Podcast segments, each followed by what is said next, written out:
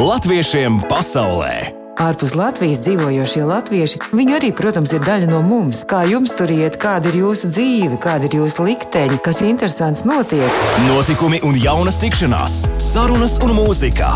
Kopā ar Baibu Palkaunieci piekdienās Latvijas Rādio 2, 6. vakarā pēc Latvijas laika. Tā kā mēs zinām, ka mūsu klausās ne tikai Latvijā, bet arī ārpus Latvijas, tad mēs ceram, ka šis raidījums kļūs par vienojošo saikni starp visiem latviešiem. Tālums mūs vieno raidījumā Latviešiem pasaulē. Labvakar, pulkstenis daudz pāri sešiem pēc Latvijas laika studijā Baiva un Latvijas Rādio 2 ēterā katru piekdienu šajā laikā no 6 līdz 7 skan rādījums Latviešiem pasaulē, kur pēc tam varat arī noklausīties audio saitē mūsu mājaslapā un, protams, arī podkāstos lielākajās straumēšanas vietnēs. Šodien mēs iepazīsimies ar diviem brīnišķīgiem latviešiem. Latviešiem, kur tomēr dzimuši ārpus Latvijas, bet šobrīd viņu darbs, viņu dzīve, viņu radošā darbība lielā mērā ir saistīta tieši ar Latviju. Un uh, viens no viņiem būs Kristaps Grasis. Protams, daudz atcerās Kristapu Grasu arī kā mūziķi, kurš kā jauns puika savulaik ieradās Latvijā uz mikrofona aptauju kopā ar savu tēti. Un otra latvieta būs Marijana Auliciema. Marijana ir muzeja Latvieši pasaulē vai Lapa muzeja galvenā koordinātore. Latviešiem pasaulē! Latviešiem pasaulē! Iepazīsti savējos! Latviešiem pasaulē šodien mēs iepazīsimies ar diviem latviešiem, kuri ir dzimuši ārpus Latvijas, bet kuru dzīve lielā mērā pēdējā laikā ir saistīta tomēr ar Latviju. Un viens no viņiem ir mūziķis, gribu tā teikt, droši vien klausītāji ļoti daudz vēl atceras arī mikrofona aptauju. Tas ir Kristaps Grāsis. Kristap, vai tu atceries vispirms labdienu, vai tu atceries, kā tu pirmo reizi ieradies Latvijā? Jā, protams, lab, vispirms labdien, jā, un es eh, to ļoti labi atceros. Bija augsts, bija ziema, bija sniegs. un uh, kā valkaunietis piederēja pie pirmiem cilvēkiem, kurus es vispār Latvijā jebkad satiku. Jā, tāda, tādos senos laikos tas bija. Tu jau tāds leģenda esi, klausītāji atcerās, ka tas bija atmodas laiks, kad tu kopā ar savu tēti dziedāji to dziesmu Zeme, Zeme, kas bija tāda, mm. man liekas, pusaizliegta, vai ne, tajā laikā? Nu, vai oficiāli, man liekas, nedziedāja neviens viņu, jā, mm jā, jā. Maz kāds zina, ka to, tas ir man tēva brālis, kas uh, uzrakstīja vārdu tai dziesmai. Ebreju tautas dziesmas meldi, meldiņam. Tā, jā, bet nu, visā pasaulē viņi bija savā laikā daudziem cilvēkiem kaut ko nozīmēja. Jā. Tas, ka mēs tieši atmodas laikā mums sanāca viņu dziedāt uh, Latvijā, tas, nu, jā, tas bija savs laiks ar saviem aizrautīgiem brīžiem. Jā. Nu, bet tu esi e, šobrīd ar vienu kāju Latvijā, ar vienu kāju joprojām Vācijā, bet tu esi dzīvojis visādās pasaules malās. Es zinu, ka tu esi Minsterē mācījies, bet tu esi Austrālijā arī dzīvojis, arī Amerikā. Ja? Jā, jā, nu man tā gan ģimeniski, nu, sanāk tā, ka es esmu dzimis Zviedrijā, mani vecāki ir e, latvieši no Vācijas un no Kanādas, un pats es esmu dzīvojis jau Zviedrijā, Austrālijā, Kanādā, Francijā, Vācijā laikam tā sanāk. un uh, kopš pāris gadiem tagad es arī Latvijā dzīvoju vismaz daļu laika. Nu, savulaik tev Vācijā, kad tu dzīvoji, tev bija grupa gan Ludvigs Dzird, gan Kristapa Grāša grupa, gan arī Gūzma. Kā tev šobrīd ar muzicēšanu? Uh, muzicēšana notiek vēl aizvien, vienīgi, ka dīkstāvus laikā ar muzicēšanu ir švaki. Citādi pārējo laiku es Vāc Vācijā diezgan bieži un daudz spēlēju, es arī daudz gadus vadīju ierakstus studiju Vācijā. 17 gadus es to darīju laikam. Un, jā, šobrīd es spēlēju, ja godīgi, vienu franču džēzu tekstetu pārsvarā. Ir tas laiks, ko es pavadu uz skatuves šādā ziņā. Bet arī sadarbības arī pat Latvijā mums ir Marina Umo, mēs regulāri kopā mm. uh, uh, strādājam. Jā, jā, jā, tapa mums pagājušajā gadā kopīgi viena Ziemassvētku dziesma ar Niku Matvēju vārdiem un mūziku, un, un arī, arī ik pa laikam mēs kaut ko trukojam, ko, ko varētu kopā darīt. Tā tapa šogad uh, teātra izrāde kopā ar Gunu Zariņu un Kasparu Znotiņu ar Juru Kronbergu vārdiem un manu mūziku, ko mēs šobrīd tieši filmējam kino kurš cerams līdz vasarai būs pabeigts. Darīt jau netrūkst arī tāpat. Tieši to es arī gribēju minēt. Balkons un tilts tāda muzikāla izrāde, kurai arī mūzika ir rakstījis, jā, ar aktieriem kopā. Tieši tā bija tā, tieši tā bija tā, to, jā, un šobrīd top filma tieši balkonam un tiltam. Jā. Izmantojam dīkstāvus laiku, kad eh, visiem ir bišķi vairāk laika nekā parasti, tad var arī nodoties šādiem aizraujošiem mākslinieciskiem projektiem. Nu, jā, bet Kristof, tu pēdējā laikā tas man arī pārsteigums. Tu ne tikai mūziķis, pēdējā laikā tu biji arī Eiropas Latviešu apvienības priekšsēdis, un šobrīd tu esi portāla, interneta portāla Latviešu kom galvenais redaktors arī, vai ne? Jā, tas ir viens ar otru saistīts. Es desmit gadus darbojos Eiropas Latviešu apvienībā, četras gadus no tiem viņu vadīju. Un uh, viens no projektiem bija, ar kuru es ļoti aizrautīgi ņēmos, bija diasporas mēdī. Man likās, ka ir vajadzīgs arī viens stiprs, spēcīgs medijs, kas pārstāv diasporu, diasporas intereses, diasporas informatīvo telpu, stāsta diasporai pa Latviju, Latvijai pa diasporu. Un, un, un tā, nu, tā nu, tur nonāca. Jā. Tur es tagad arī jau, jau otro gadu jau darbojos. Tāpēc sanāk bieži Rīgā Jā. būt. Līdzīgi kaut kā mēs arī latviešiem pasaulē šis rēdījums arī mēs arī cenšamies tad uzturēt to kontaktu visas pasaules latviešu vidū arī būt vienot un interesēties arī par pārējiem visiem, ne tikai kas Latvijā dzīvo, par koriem, dēļ kolektīviem, notikumiem, skolām, teātriem, latviešu biedrībām. Un tā kā mums jau rēdījumā jau ļoti daudz draugi ir iegūti, un es ceru, ka mēs latvieši kaut arī sadraudzēsimies, un, un tad varētu arī pastāstīt, kas ir šajā portālā portālā, ja klausītājiem, tiem, kam ir ļoti daudz draugi radi ārzemēs, ko viņi šeit Latvijā varētu no šī portāla arī iegūt kādu informāciju, ko palasīt. Mūsu portāls ir ļoti plašu informācijas loku, un mēs arī sasniedzam samērā daudz cilvēku. Mums tomēr mēnesī apmeklē ap 200 tūkstoši uh, apmeklētāju unikālu, un, un uh, mums ir uh, pieslēgušās vairāk vai mazāk visas valstis, kur kāds latviešu sēž, bet nedrīkst aizmirst, ka 50% latviešu portāla apmeklētāji ir Latvijā. Tad ah. mums ir puse, puse mūsu sekotāji ir Latvijā, un otra puse ir pa visu pasauli. Tā kā, nu, mums ir gan mūsu ziņu nodaļas, bet eh, tāpat mēs arī ziņojam par valstīm, kas tieši notiek tajās valstīs, ko dara vietējās biedrības, kur var pieteikties, ja kādam kaut kas kaut ko interesē, ja kāds, kādam kaut kas ir vajadzīgs. Kāds meklē skolu vai, vai gori vai vispār doma biedrs vai kaut kā tamlīdzīga. Viņš varēja iet portālā, sameklēt savu valsti un skatīties, kur viņš tur varētu nonākt. Var arī turpat reģistrēties, lai arī saņemtu ziņas. Reiz nedēļā mums ir eh, informatīvs newsletters, ko saņem 12,000 uh, lasītāji šobrīd, uh, kur, teiksim, viss nedēļas apskats par būtiskākām lietām diasporā un Latvijā. Katru, katru nedēļas nogalu parādās tā.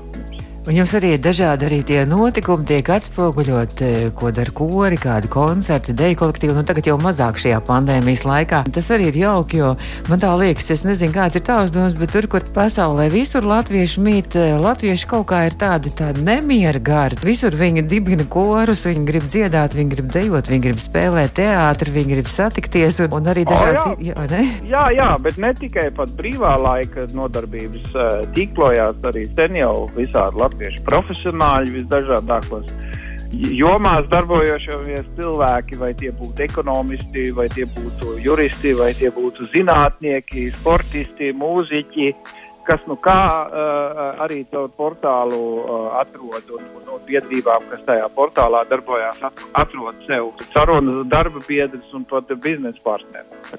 Jā, tas nav tikai brīvā laika nodarbošanās tā, tā latviskā puse. Nu, īstenībā mēs esam tik maz tie latvieši visā pasaulē, mēs esam izkaisīti, ka mums ir jāturās kopā, vai ne? pareizi, pareizi, tā tas ir. Kristēp, nu tu teici ar vienu gaitais Latvijā, portāls latviešu.com, kas top Latvijā pamatā, bet ar otru gaitu esi joprojām Vācijā, ja? Jā. Jā, Vācijā arī esmu katru mēnesi. Varētu teikt, es ļoti labi zinu, kā ir veikt uh, Covid tests pirms kaut kur ceļo. Tāpēc, es to daru apmēram uh, četras reizes mēnesī. Joprojām negatīvs, es ceru, tu esi ko? Uh, nē, es biju arī, diemžēl, vienreiz biju pozitīvs, un tas uz to nolikos uz diviem mēnešiem, un tad mm. nekāda ceļošana arī vairs nebija, bet uh, izslimoju, un ar visu ļoti, ļoti piesardzīgo dzīves stilu neko nelīdzēja. Saķēra un viss tā bija. Bet jā, es dodos uz Bonu, kur uh, šeit ir gan muzicēšanas, gan ierakstu studijās darbība notiek, un arī mūsu muzikas skolās, kas mums šeit jau ir daudzus gadus Vācijā. Tā ir tava mūzikas skola, tur tu, tu esi vadītājs, direktors? Jā, jā, jā, jā. viņas ir vairākas. Ah. Būtībā trīs. Jā, Oho. jā, trīs skolas kopā, nu, sadalītas pa pilsētas daļām. Tā ir viena skola, bet ar dažādām māju vietām kopā 500 skolnieku. Oho! Tas nozīmē, ka ne tikai latviešu skolnieki, tev, tev ir arī vācieši. Ja? jā, tur ir ne tikai vācieši, bet tur ir visādu tautu un arī visādu pauģu cilvēki. Jo jauniekiem mācekļi, eh, nu, kas mācās, ir sākot ar trim gadiem, un šobrīd aktīvi vecākais ir 84 mācās kontrabasu, un to jau 21 gadu. Fantastiski. Tā kā tavā mūzikas skolā ir nevis tā, nu, tā tradicionāla, ka, teiksim, varbūt kaut kāda dziedāšana, klavieres, tev ļoti plašs spektrs ir šīs mūzikas skolas, jā? Jā, tur ir visi orķestra instrumenti, protams, bet ir arī uh, viss, kas attiecās uz džēza nodaļu, tātad elektriskie instrumenti, sitām instrumenti, dziedām instrumenti, arī mūri, mūzikas ierakstu zinības un uh, ansambļi kā tādi, jā. Bet, nu, pie mums ir tīri muzicēšanas daļa, vai ne? Viss pārējais solfeģo un tam līdzīgais notiek uh, ģimnāzijās. Saki, kāda šobrīd ir situācija? Tu jau zini, ka Latvijā ir šobrīd ar to muzicēšanu ir diezgan švaki. Nu, tā tas ir visur. Arī pie jums Vācijā, jā, šobrīd? Jā, jā, jā, nekas nenotiek. Viss, uh, es pēdējo reizi uz skatuves biju septembrī. Ne, bet par mācībām runājot, piemēram, kontrabass, tas ir attālināts caur zūmiem, jūs mācāties vai kā? Viss, viss notiek attālināti. Jā, nu, mums ir tā, ka valstis un pavalstis skatās uz uh, kumulatīvo skaitli, vai ne, cik ir inficēto uz 100 tūkstošu iedzīvotājiem. Uh, Vācijā gan ļoti stingri un ļoti zemi viņiem jābūt. Tiklīdz viņš ir pārsniedz 150 uz 100 tūkstošiem, tad skolas ir cieta. Šobrīd ir cieta. Viss, mm -hmm. jā. Nu, jā, pa Latviju tu jau zini, jā, kā, kā ir To Latvija. es zinu, jā, jā. Nē, nācās visiem iemācīties, kā lietot Zoom, kā lietot WhatsApp vai Skype, un eh, kas tas internets tāds ir, kam tas dod kaut ko. Bet, eh, bet kaut kā jau tiek, kaut kā tiek galā. Jā. Visi cenšas pieiet tai lietai kreatīvi un nez- nezaudēt labo lomu. Kristef, es tev novēlu. Tā arī turpināt, un es novēlu, lai varbūt ka vasarā tomēr izdosies arī kādā koncertā tev šeit Latvijā arī redzēt ar kādu kopā. Latviešiem pasaulē spēle! Nu, dziesma ir noskanējusi, un Kristaps Grāsis, mūziķis, kā dzirdējāt, arī Bonnas mūzikas skolas direktors, arī portāla latvieši komu galvenais redaktors, šobrīd ir joprojām mūsu attālinātais viesis. Un Kristap, nu tad mums būtu laiks arī uzspēlēt to vienu spēlīti ar trīs jautājumiem. Nu. Šonadēļ, 18. maijā, mēs svinējām Startautisko muzeju dienu. Un tad ir jautājums par Latviju. Kurš ir vecākais publiskais muzejs Latvijā? Kā tev šķiet? Tu noteikti tur esi bijis. Es... Mīļo stundiņu. Vecākais. Jā, ve- vecākais publiskais muzejs Latvijā. Es varu piebilst, ka tas ir dibināts 1773. gadā, un kā izrādās, tas ir viens no vecākajiem uh, muzejiem arī Eiropā. Nu, radio apkārtnē, Doma laukuma apkārtnē arī šis muzejs atrodas. Tas zini. Vienu muzeju sauc. Tad teikšu, ko es tev vēl varu pateikt priekšā. Nu, vēstures muzeja, vēstures muzeja jau ir galvenie vai ne tie tā katrā valstī. Jā. Nu, Jā. Jā. Rīgas, Nu, bet, es tev saku priekšā, Rīgas. Doma laukumā, Nu? Doma ansamblī tas atrodas. Tur ir Rīgas. Jā. Nu, tālāk, nu, nākošo vārdiņu tu. Es, e, e, kur, nē, es nezinu, kas tur ir vēl tajā ansamblī. Tur ir dirža tikai, bet tāds nav muzejs. Es saprotu, ka tev nav ko mocīt. Tātad Rīgas vēstures un kuģniecības muzejs. Tagad esi tādu Un dzirdējis. kuģniecības Nu, muzejs, jā. padomājiet. Jā. Bet vecākais Eiropā, tas saka, jā. Viens no vecākajiem Eiropā. Vecākais Nu, Latvijas. turpmāk būs ar ko lepoties ar zināšanām. Jā, un Kristap, kad at atgriezīsies atkal Latvijā, tad, oh, tagad jau muzeja cieta. Nu, bet, kad būs vaļā, tad, no. tad tu varēsi tur aiziet. Labi, mēs turpinām spēli, un par šo dienu vēsturē 1932. gadā, 21. maijā, ir dzimusi olimpiskā čempione šķērsmešanā Inese Jaunzeme. Latvijas sporta vēsturē viņi mums ir dāvājis pirmo olimpisko zelta medaļu. Kurās olimpiskajās spēlēs viņi izcīnīja zeltu? Te var pateikt arī gadu 1956. gadā tā pirmā medaļa, bet kurā pilsētā? Kurās olimpiskajās spēlēs? Tu tur esi dzīvojis, es nezinu, vai tajā pilsētā, bet tajā kontinentā. Nē, nē, nu tās bija Austrālijā. Tā, Jā. tā, Tiešām. Tajā gadā. Jā. Vai tā bija Melburna? Tieši tā! To- Super! Jā, Apsveicu. Melburnu! Jā, man likās. Jā, un vēl par šodienu, vai tu droši vien arī seko līdz hokejam, taču vai ne? Ne tikai mūzikai. Nu, kaut cik, jā. Nu, kaut cik. Jā, jā.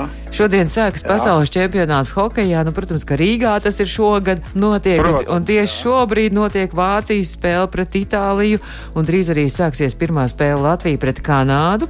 Bet es tad tūlītās tev noraksturošu vienu hokejistu, un uh, tad tajā brīdī, kad tu atpazīsti šo hokejistu, tad tu saki stop un sauc, kas tas ir par hokejistu. Labi? Atpazīst, jā. Viņš ir dzimis Siguldā, savus pašus pirmos soļus uz ledus viņš esot spēris dājas lidošanas nodarbībās. Hokejista karjeras sākumā un noslēgumā viņš ir spēlējis Rīgas Dienāmo. Viņš ir bijis Latvijas hokeja izlases kapteinis Olimpiskajās spēlēs, tā skaitā arī Sočos, kur Latvija izcīnīja sensacionālo astoto vietu. Ziemeļamerikā NHL regulārajā čempionātā viņš ir aizvadījis 875 spēles, guvis 564 punktus. Savas karjeras laikā piedalījies septiņās NHL visu zvaigžņu spēlēs, kļuvis par labāko aizsargu. Nebūs vēl pareizi atbildēt. Aizsargu vārtu guvēju, uh, Stēlija kausa izcīņa. Kapteinis un, un, un punktus, jā. Tātad vārtos viņš nevarēja būt stāvējis. Izāk tā Standis Ozoliņš. Tieši tā, Jā, viņš ir arī jā. vienīgais latviečs, kas Stēlija kausa ir izcīnījis. Kristap, super! Nu, jā. Nu, brīnišķīgi! Traki nebija, jā.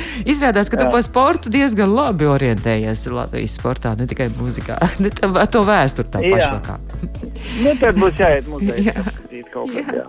Pareizi. Es saku Nu, tev lielu paldies, un tad jau mēs atkal uz kādu tikšanos gan latviešiem pasaulē, gan varbūt arī klātienē arī tiksimies kādreiz arī rādi. Ļoti labprāt, ļoti lab, labprāt, jā, būs arī Jā. jā. paziņosim par jūsu raidījumiem pie mums. Jā, tas būtu jauki. Nu, jā. Labi, Jā. nu tad uz tikšanos, un Jā. uh, saku tev tā, un turies. Visu labu. Atā. Paldies, jā, esat tur veselību visiem. Latviešiem pasaulē iepazīsti savējos. Šonadēļ ir starptautiskā muzeja nedēļa, un latviešiem pasaulē mēs šodien iepazīsimies arī ar kādu ārkārtīgi interesantu muzeju, par ko varbūt daudz mūsu klausītāji vēl nav dzirdējuši. Tas ir ā, Latvieši pasaulē muzejs, un viena no tā vadītājām, tā es varētu pieteikt, Marijāna, jūs Marijāna Aulicījam ir mūsu attālinātā viešņa. Labdien! Labdien! Es īstenībā esmu galvenā kuratore muzejam. Marijāna, jūs, jūs esat dzimusi Kanādā, tad ceļojis pa visu pasauli, dzīvojis gan Lielbritānijā, gan arī Austrālijā, un esat beig beigās nonākusi Latvijā. Tā īsumā, ja jūs varētu izstāstīt to savu ceļu, kā līdz Latvijai nonācāt. À, nu mani vecāki izbrauca no Latvijas kā otrā pasaules kara bēgļi, kā bērni, bet viņi nonāca abi Austrālijā, Adelaidē, un tad viņi iepazinās tur un, un arī bija aktīvi latviešu sabiedrībā.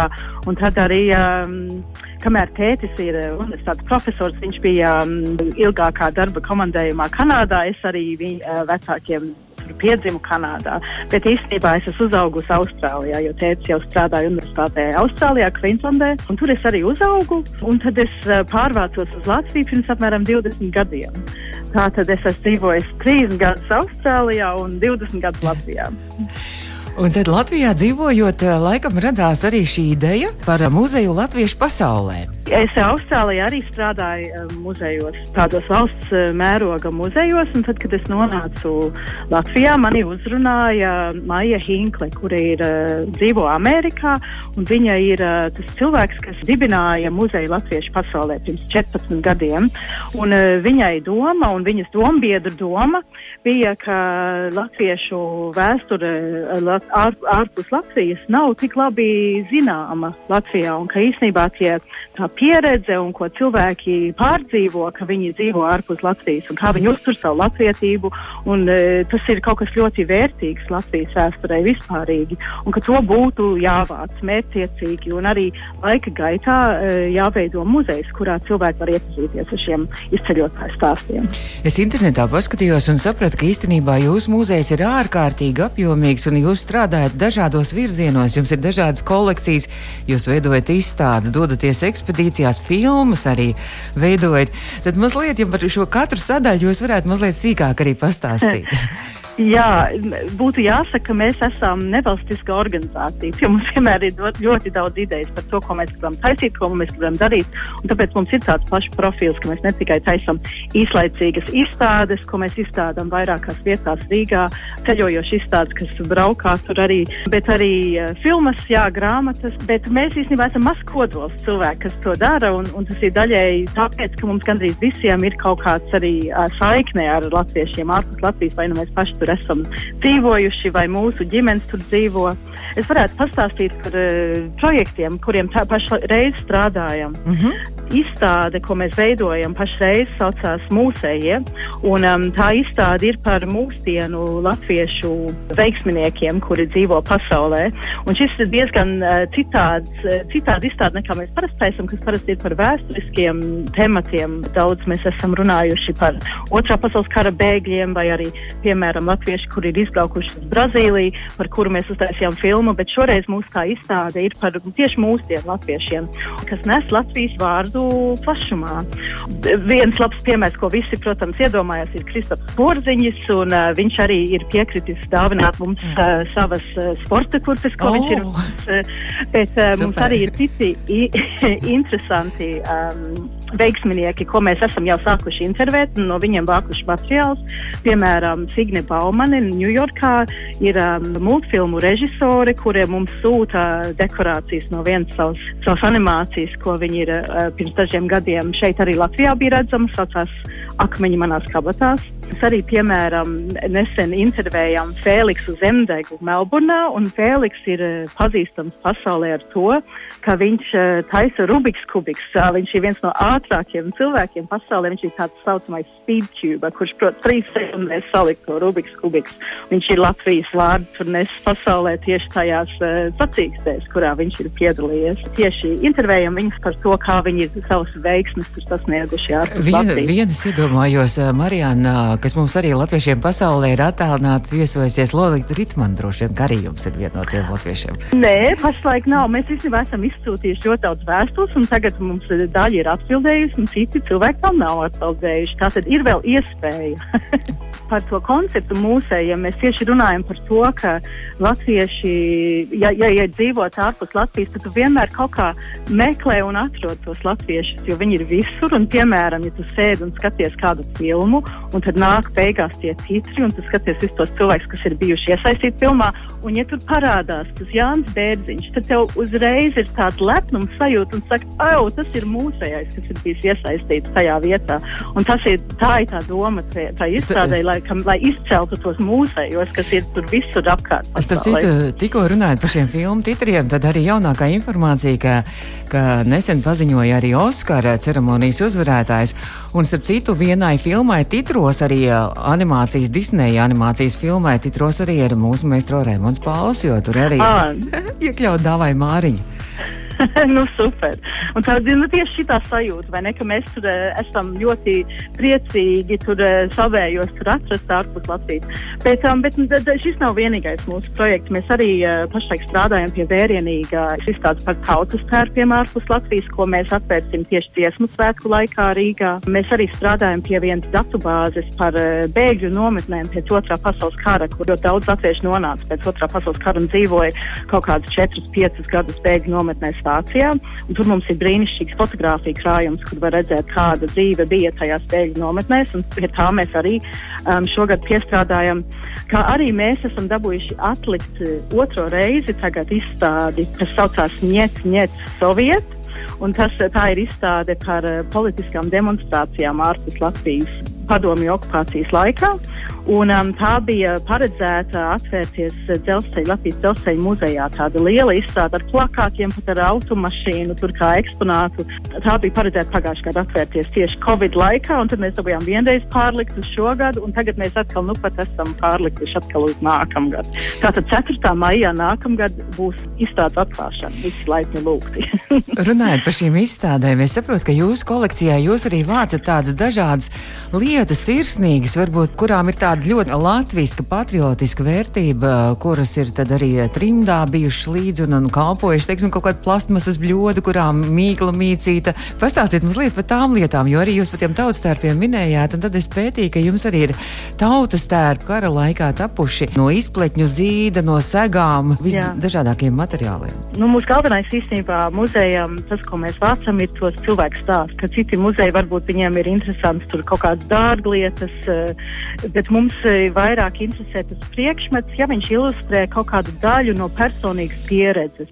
Populārākie priekšmeti, jeb mūsu vismīļākie priekšmeti muzeja krājumā, daudzreiz ir tādi, kuri varbūt neizskatās īpaši tur eh, glauni, bet viņi ir eh, ļoti sirsnīgi. Tiešām, jo daudzreiz tas ir kaut kas tāds, ko cilvēks ir paņēmis līdzi no Latvijas, tad, kad viņiem bija tikai dažas stundas apakoties un, un nāves bailēs bija jābēg, piemēram, otrā pasaules kara laikā.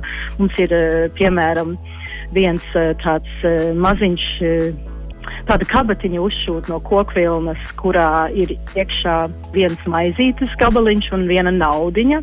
To izveda no Latvijas Ilonas Gulbis, mamma Ērika Gulbis, tieši 44. gadā, kad viņa izbrauca un trīs jau bija Sibīrijā, un viņa ar savu meitu un savu māti izbrauca no Latvijas kā bēgļi. Un tās bija tā mazā, mazā Latvijas daļiņa, ko viņa paņēma sev līdzi, tā maizīte, tā naudiņa, kā tāds talismans, kā tāda lieta, kas varbūt viņiem nesīs laimi, varbūt nesīs atpakaļ mājās kādu dienu, un viņa to valkāja pie sirds zem drēbēm. Visus gadus, kad viņa bija bija ārpus Latvijas. Pat, kad viņi Brazīlijā apkopa bagāto Brazīļu mājas, viņi valkāja to Latviju sev pie sirds. Šādus priekšmetus mūsu muzejs arī vāc, un, un tas galvenais ir nevis tas eh, kokvilns gabaliņš ar to maizi, bet tas cilvēks stāsts, kas iet tam līdzi. Jā. Un mums ir daudz tādu stāstu muzejā, un mēs, protams, ka meklējam vēl, un mēs ļoti aktīvi intervējam cilvēkus, pieņemam dāvinājumus un arī braucam ekspedīcijās pie cilvēkiem. Tātad mums ir ļoti interesants darbs. Es ceru, Marijāna, ka šī ir pirmā reize, bet šī nav pēdējā reize, kad mēs arī sazināmies Latvijas Rādio 2 vētrā raidījumā. Latviešiem pasaulē mūsu raidījumam arī līdzīgs nosaukums kā jūsu muzejam. Bet mm -hmm. kā, kā jūsu muzeja šobrīd var šajos laikos apmeklēt? Aha. Mums, eh, mums pašlaik ir tā, ka mums ir krājums, kur ir apmēram 18,000 vienības, tas glabājās pašlaik eh, Nacionālās eh, bibliotēkas pagrabstāvā. Bet tur nevar tā īsti nākt ciemos, izņemot, ja sarunā iepriekš, tad mēs varam krājumu parādīt.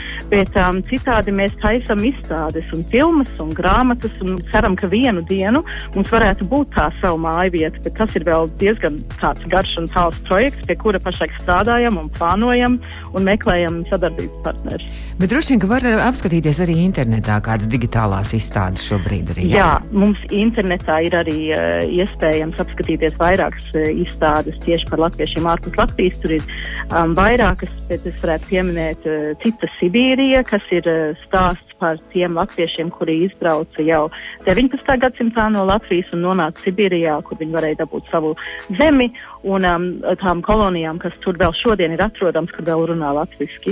Tad mums ir vēl citas izstādes, bet to var izpētīt mūsu mājaslapā www.lapamuzejs.lv. Tā kā no latviešu pasaulē lapa pirmie, lapa, pirmā zilbītes. Jā, lapa. Jā, mm. bet es vēl gribēju pieminēt, kaut arī mēs sākām ar tādu domu, ka mēs, mums interesē tā latviešu izbraucēju vēsture. Mums arī ļoti interesē mūsdienu izbraucēji, un tāpēc arī es stāstīju par to mūsējie izstādi. Um, bet arī um, mūsdienu izbraucējiem mēs esam tikušies, piemēram, Norvēģijā, kur mēs bijām ekspedīcijā pirms dažiem gadiem. Bet šis ir tāds uh, mazliet grūtāks temats, jo kā cilvēki agrāk izbrauca un viņiem bija grūti sazināties ar mājām vai tikt, tikt uz Latviju vai ne, nebija iespēja atbraukt. Bet tagad šodien, kur ir tāda globāla sabiedrība, kur var lidot, var ar e-pastiem sarakstīties, tad ir grūtāk atrast tās lietas tieši, ko varētu iekļaut muzeja izstādē, ja muzeja krājumā, kas tieši stāsta par to mūsdienu pieredzi. Un tas ir tāds projekts, ko mēs tagad vēl strādājam pie tā, kādā veidā uzrunāt mūsdienu izbraucējus par viņu pieredzi un, un piefiksēt šo. Es domāju, ka noteikti mēs tiksimies vēl kādreiz Latvijas Rādio divētrā.